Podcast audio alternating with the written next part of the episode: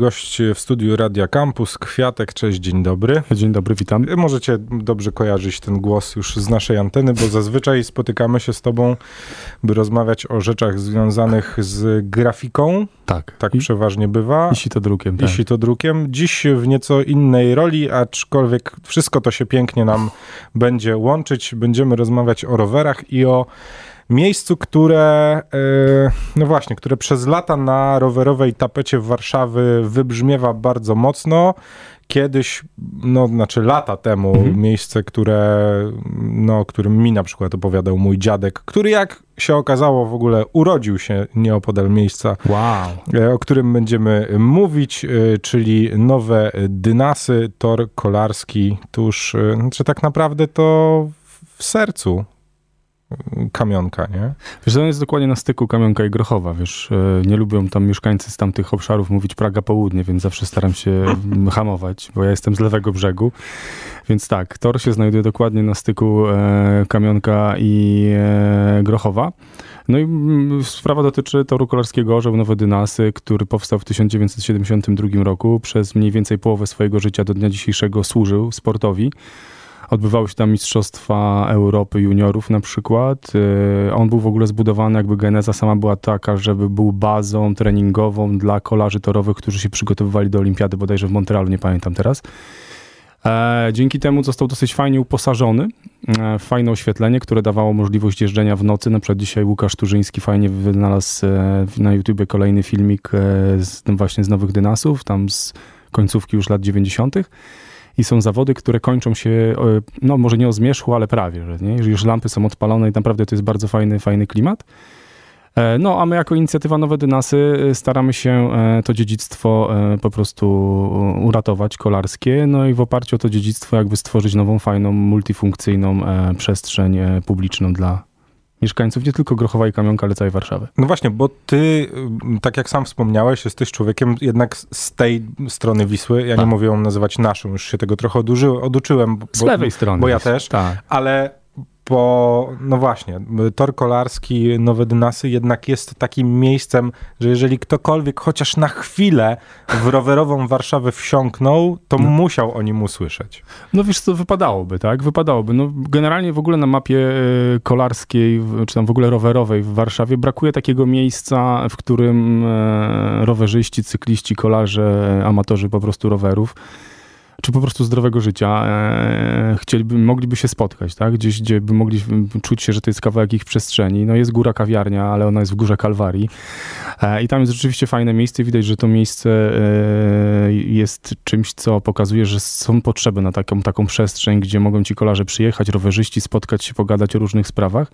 I mi się wydaje, że właśnie przestrzeń wokół toru kolarskiego e, mogłaby komuś takiemu służyć, co nie? Takiej sytuacji nie stricte kolarskiej, ale wspierających kulturę rowerową, czyli po prostu myślenie o tym, że w mieście przede wszystkim poruszamy się na co dzień e, rowerami bądź transportem publicznym, co nie? Porzucamy z biegiem czasu po prostu samochody, no bo naturalna kolej rzeczy. To co w takim razie dzieje się na tym torze, a raczej czemu tam się nic nie dzieje, bo wiesz, ja, ty się śmiejesz, ja też się trochę u, uśmiecham w duszy, bo tak jak mhm. żeśmy rozmawiali poza anteną, ja o, o, o próbie odzyskania tak na dobrą mhm. sprawę przez kolarzy toru słyszę od lat 10, 15.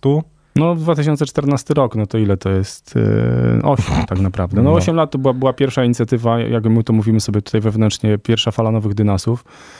E, I to była po prostu spontaniczna akcja posprzątania toru. To byli ludzie właśnie związani głównie ze środowiskiem ostrokołowym. E, ja tam wtedy właśnie robiłem sito na, na Zbawicielu, jak zbieraliśmy akcje na, na ten mini velodrom drewniany taki, który potem powstał, ma mini dynasy, czy małe dynasy.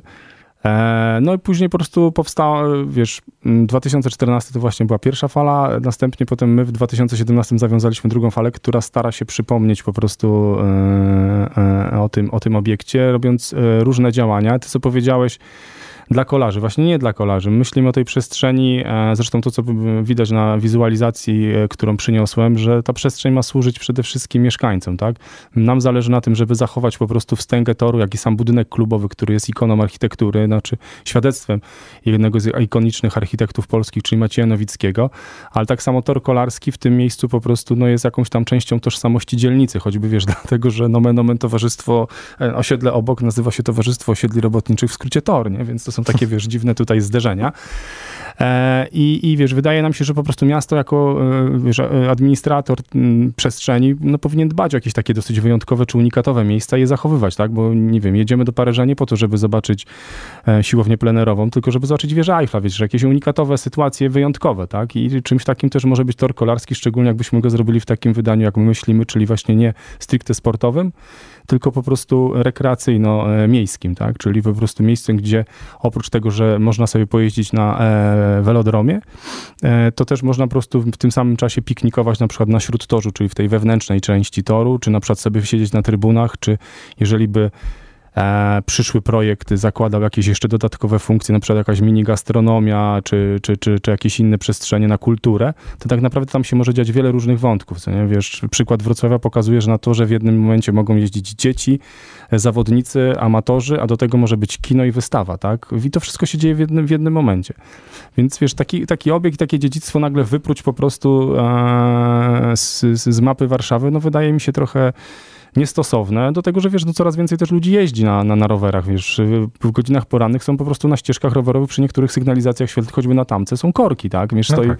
Nie, nie, zawsze zdążysz przelecieć na jednym świetle na tych rowerach już, więc widać, że po prostu miasto idzie w tą stronę i nagle, wiesz, taką ikonę tej kultury rowerowej e, gdzieś tam spychać walcem po prostu, bo, bo drogo, bo coś tam, no wiesz, w Kijowie jest tor, który został odremontowany i działa i nawet w tych trudnych warunkach, które teraz się dzieją, kurczę, kolarze tam jeżdżą, bo prezydent y, tego miasta po prostu zobaczył w tym potencjał, tak?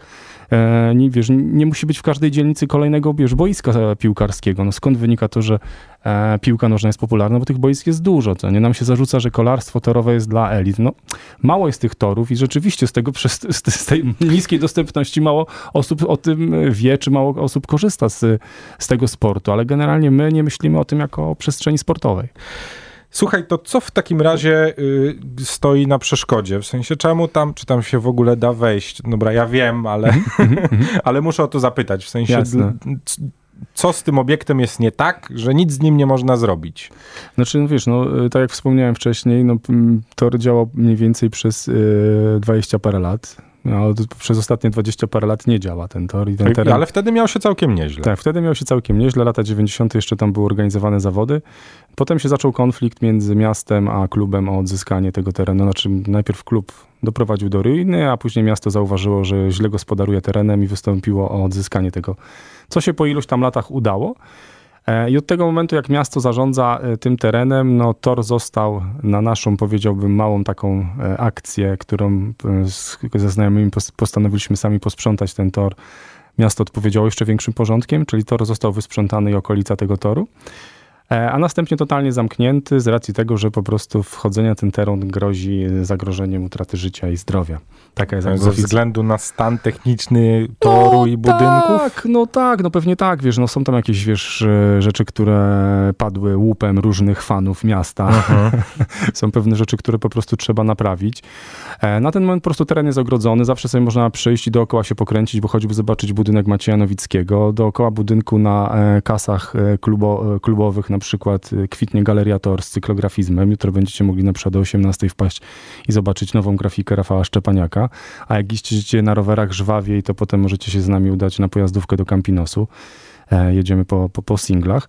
Więc sam tor i dookoła powiedzmy, że e, e, angażuje i, i, i, jest widoczny, bo na przykład często mamy maile od mieszkańców, szczególnie tych nowych, bo, bo oni, się, oni się najbardziej ciekawią, bo starzy wiedzą, co tam było, tak?